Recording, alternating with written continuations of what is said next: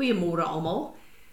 Ek uh, het ver oggend regtig 'n ernstige ding op my hart en vir ons is dit altyd lekker om te gesels en te rejoice oor hoe God en hoe groot ons God is en hoe hy net eenvoudig alles in sy hande hou en dit sal altyd vir my een van die wonderlikste wonderlikste plekke wees van sekuriteit in ons lewe. Maar ek en jy moet weet dat God het ons nie gered uh net vir onsself nie, net uh, net vir hom nie. Hy het ons nie gered net om hemel toe te gaan en laat alles goed met ons is nie. Ek en jy is met 'n rede op aarde. As hy ons gered het net vir die ewigheid, dan kon hy ons laat sterf het na ons wedergeboorte. Maar die tyd wat ons hier op aarde moet lewe is ons verteenwoordigers en gateways van Jesus Christus en wil hy graag ons gebruik om sy wil op aarde oop te vou en te ontsluit. En in hierdie tyd met hierdie oorlog tussen Israel en Hamas, is dit een van die tye op aarde wat ek dink hierdie is so belangrik. Die Here sê vir ons: Ek het julle geroep as 'n huis van gebed vir die nasies. Nie net gebed vir jy en jou gesin en jou omstandighede in jou gemeente uh, en jou gemeenskap nie en uh, meer as ooit in ons leeftyd is hierdie 'n plek wat ek en jy moet inneem want God sê in Amos 3 vers 9 ek gaan niks op aarde doen wat my profete nie gaan uitspreek nie. Jesus is the spirit of prophecy. Ek en jy as sy verteenwoordigers op aarde het die krag van lewe en dood die krag wat God gegee het vir Jeremia toe hy gesê het ek roep jou om af te breek en te vernietig die werk van die vyand, maar om te bou en te plant wat van my af is. In hierdie tyd is dit so nodig dat ek en jy dit verstaan en dat ek en jy aanmeld vir diens uh in die koninkryk. En ek het gister 'n kort oorgawe gehad uh van wat is eintlik regtig aan die gang want 'n mens word so opgevang deur die politieke uh persepsies en stemme en ideologieë van die verskillende nasies en die beskuldigings heen en weer dat 'n mens so maklik daarin vasgevang kan word en God se perspektief kan verloor. Ons moet weet, ek het gister 'n duidelikheid ingesit. Luister asseblief na gister se se vroue boodskap. Hierdie gaan van Genesis uh, eh, 15 af waar God die verbond met Abraham gehad het. Die verbond bond gaan oor land, oor die lineage, dit wil sê die bloedlyn en oor die God. Hierdie is 'n oorlog wat begin het die oomblik toe Ismael gebore is. Want Ismael is die uh, uh nie die seun van belofte nie, maar Isak is. En van uh die begin af het Ismael, en ek het gister daaraan geraak, Ismael was met die hele storie in die in die uh Bybel, was 16 jaar oud en uh, die woord sê hy het vir Isak wat 'n 2-jarige seentjie was, uh afgeknou en abused tot so 'n mate dat uh, Sarah vir Abraham gesê het stuur hulle weg. So dit is die gees van Hamas en as ons dink aan die woord wat God self vir hom gegee het, dan kyk ons in in Genesis 16 waar hy sê dat uh uh, uh see now are you with a child and shall bear a son. Hy praat met Hagar. Uh Genesis 16 vers 12. Um and shall call his name Ishmael because the Lord has heard and paid attention to your affliction. And he, Ishmael, will be as a wild ass among men. His hand shall be against every man, and every man's hand shall be against him. And he will li live uh, to the east. Uh, so hierdie is wat God self gesê het hoe um Ismael gaan lyk en ons sien dit vandag weer met met Hamas. En ons moet besef dat dat Hamas die Hebreëse woord daarvoor is violence, a curse but possessed as well. En ons sien letterlik dit wat hulle doen aan die mense. Dis net mense wat besete is wat so iets aan 'n ander mens kan doen om baba se koppe af te kap en kinders voor hulle ouers te vermoor en dis net eenvoudig onmenslik, maar dis omdat hulle possess is met die gees van Hamas. En hier gaan dit oor die seun van die belofte, Isak. Ons is die nageslag. Ons is gevul met die Heilige Gees van God. Hamas is gevul met die violence en die uh uh gees van die anti-kris wat uh baie duidelik na vore kom. So wanneer ons kyk hierna moet ons besef daar's geen politieke leier wat hierdie goed kan oplos nie, want hierdie is 'n geestelike geveg en uh, daarom het ek ook gister gesê Uh ek het ek is uh onrustig oor al die profetiese woorde en goed wat oral uitgaan oor wat aan die gang is en wat gebeur en ons moet terugkeer na die woord toe en ons moet sien wat die Here sê oor hierdie tyd. En vir my is dit uh, uh so belangrik om te sien hoe sekere goed oop speel. Ons moet soveel as moontlik by die nie soveel as moontlik nie, ons moet net by die woord van God hou. En ons moet toelaat dat die Heilige Gees vir ons uit die woord uit wys wat hier aan die gang is. Gisteraand het ek gebid saam met Ariel Gate en uh ek besef net die Here is besig om soveel goeders uh te bid en reg te skuif in hierdie tyd en Jy weet ons praat altyd van Jesus wat sê it will be as in the days of Noah. Dan dink ons aan al die sonde en al die verval en al die seksuele goed. Ja, maar in in the days of Noah het al die nasies rondom Israel ook oorlog gemaak met Israel. Die uh Kaldeërs, die Babiloniërs, die Egiptenare, die net soos vandag het hulle almal probeer om Israel uit te wis.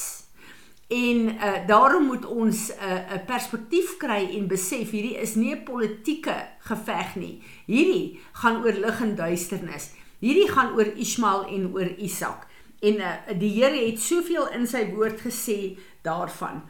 Uh ons moet en daarom is dit ook so dat ons moet weet as ons huis van gebed vir die nasies is, dan is daar 'n tyd, 'n vandag so 'n belangrike tyd dat ek en jy sal bid vir die nasies. En gisteraand by Ariel Gate was dit so wonderlik geweest om te sien hoe die Here van die nasies se harte wat teen Israel is begin aanraak en verander. Nou ek en jy kan maar net op die nuus kyk om te sien hoe 'n geweldige op opstaan teen Israel en teen die Jode daar op hierdie stadium is reg deur die wêreld. En as ek kyk na al die optogte, Gister, ek weet nie of julle oor die nuus gesien het nie, was daar 'n optog ook in Natal gewees uh teen uh teen Israel vir Hamas.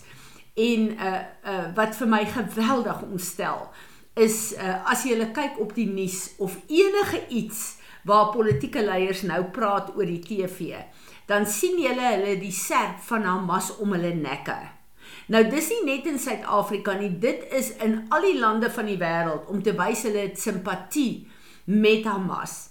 Maar uh onthou, hierdie is 'n counterfeit. Uh Jesus Christus, die seun van belofte, die koninkryk van God versus Islam en die vyand en Allah. Uh wat wat eintlik maar die duiwel verteenwoordig, is net 'n ander naam vir hom. En um as ons kyk na hierdie goed dan dan besef ons dat hier gaan dit oor twee lyne. Maar ek is so ontsteld oor hierdie serpe om die nek en ek vra vir Heilige Gees wat is hier aan die gang? En die Here sê vir my net soos daar 'n counter vir Heilige Gees is net soos wat Ismael geëis het uh, in die Koran dit is hy Abraham wou hom geoffer het dit was nie Isak gewees nie. Al hierdie leuns al die counterfeit is hierdie serp om die nek 'n profetiese aksie van die uh uh, uh misleiding. Ek en jy is kinders van God is in 'n juk saam met Jesus Christus. Dit wil sê hy gaan ons stuur, ons gaan vrugbaar vir hom wees, ons gaan saam met hom werk, ons gaan alles saam met hom doen, ons gaan sy koninkryk bou op aarde. So ek en jy het Jesus se juk wat sag en lig is. Hierdie serp om die nek is 'n juk in die gees wat op elke nasie wat hulle knie buig en daai serp omsit, ehm um, val. En daarom is hierdie nie net serpe van simpatie wat hulle dra nie. Dit dit is 'n profetiese aksie om te sê ons is in dieselfde juk as Hamas. En ons as Suid-Afrikaners is baie ontstel daaroor. Maar die Here sê ook hoewel hierdie regering korrup en evil is om hierdie goed te doen, kyk hy na die enkelinge omdat ek en jy uh, in 'n persoonlike verhouding met God staan. En uh, wanneer ons kyk na die woord wat sê uh as jy Israel vervloek, gaan ek jou vervloek. Uh dit is 'n woord wat ons almal in Suid-Afrika ontstel. Daarom staan ons op as die kerk van Jesus Christus en sê Here, vergewe hierdie regering, hulle weet nie wat hulle doen nie, maar ons kom as u kinders en ons kom verklaar. Die regering is nie Suid-Afrika nie. Ons die mense is uh Suid-Afrika uh, en ons staan op en sê dat ons saam staan met Israel, met u volk van covenant en uh, laat ons vir Israel bid en dat ons saam met God bid vir sy uh, wil wat hy laat ontvou in hierdie stadium uh, in Israel. En uh, daarom dink ek dat maak nie saak hoe ek en jy ehm uh, besig is nie. Ons kan nie 'n uh, dag laat verbygaan wat ons nie saam bid en onsself vir God gee om 'n uh, uh, hierdie uh, sy wil te laat ontvul uh, oopvou in uh, Israel en deur hierdie oorlog nie. En ek en jy weet dat hierdie oorlog is eintlik die begin van 'n hele klomp goed wat op aarde gaan gebeur. Maar gister uh, terwyl ons vrouens bymekaar was, was daar so teenwoordigheid die heeltyd van van die Heilige Gees, maar ek wil vir julle sê, een van die beloftes wat die Here gee en ek weet dit, is dat ten spyte van moeilike tye waarin ons is en wat vir ons voorlê, sal hy vir sy kinders in moeilike goed 'n Goshen uh gee. So waar hy judgment bring oor Suid-Afrika byvoorbeeld uh oor die regering uh doen wat hulle doen, uh sou hy judgment bring. Ek en jy is in 'n Goshen wat beteken dat God se gees beskerm ons en uh dat daar 'n uh, 'n uh, grenslyne van God rondom ons is wat vir my so gerusstellend is. Maar ek wil vir julle sê, gewoonlik kom die Here en seën ons met soveel woord en help ons so om te verstaan wie hy is en wie ons is. In hierdie tyd kom ons meld aan verdiens en kom ons bid dat God ons monde kan gebruik om sy wil te oop te vou hier op aarde. Hy sê in Jeremia 15 vers 19: Ek wil jou mond as my mondstuk hê. God het ons op aarde geplaas gered deur die bloed van Jesus, gevul met sy gees, met sy beeld en gelykenis in ons om soos Jeremia af te breek en te vernietig die werk van die vyand, maar te bou en te plant wat God hier wil hê. En ek wil vir julle waarsku, pas op om oral op die internet na alles te luister. Daar's baie misleiding wat besig is om aan te gaan. Hou by die woord van God en pas op om emosionele gebede te bid. Laat die Heilige Gees ons lei om die wil van ons Vader te bid want hy is in beheer van alles. En ons moet onthou die vyand het 'n beperkte mag maar op die einde van die dag het die Here beheer oor alles. En hy het deurtye in die woord mense gebruik wat nie eers gered is nie om sy wil te doen. So ek en jy moet weet as ons net kyk na Farao wat in die gees van Hamas gewerk het, dis hoekom hy die babas uh laat doodmaak het. Hamas het geen respek vir vir kinders nie en hulle wreedheid is net eenvoudig ongeken. Maar as jy daarna kyk, Farao het sy hart verhard terwyl God dit wou toegelaat het. Die oomblik toe God gesê dis genoeg, toe hy Farao se hart gedraai in guns na sy volk toe.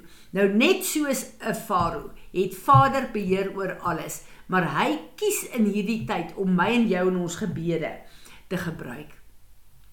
Vader, ons wil kom en ons wil in hierdie tye onsself net kom humble voor U. En ons wil vir U sê, Here, ons is ontsteld in ons hart oor al die goed wat aangaan, maar help U ons dat ons nie uit emosie sal bid of sal praat nie. Help ons dat ons nie opinies en persepsies sal hê wat aan politiek gebind is nie, maar help ons om die onderskeiding te hê en die waarheid te sien van waar in ons is, Here. En ons wil kom en sê, Here, hier is ons monde. Leer ons hoe om te bid. Net soos die engel in Jesaja 'n koel van die altaar gebring het om sy lippe aan te raak omdat Jesaja geweet het sy lippe is onrein. Here, ons wil kom en ons wil sê, kom raak ons lippe aan. Ons wil u huis van gebed wees.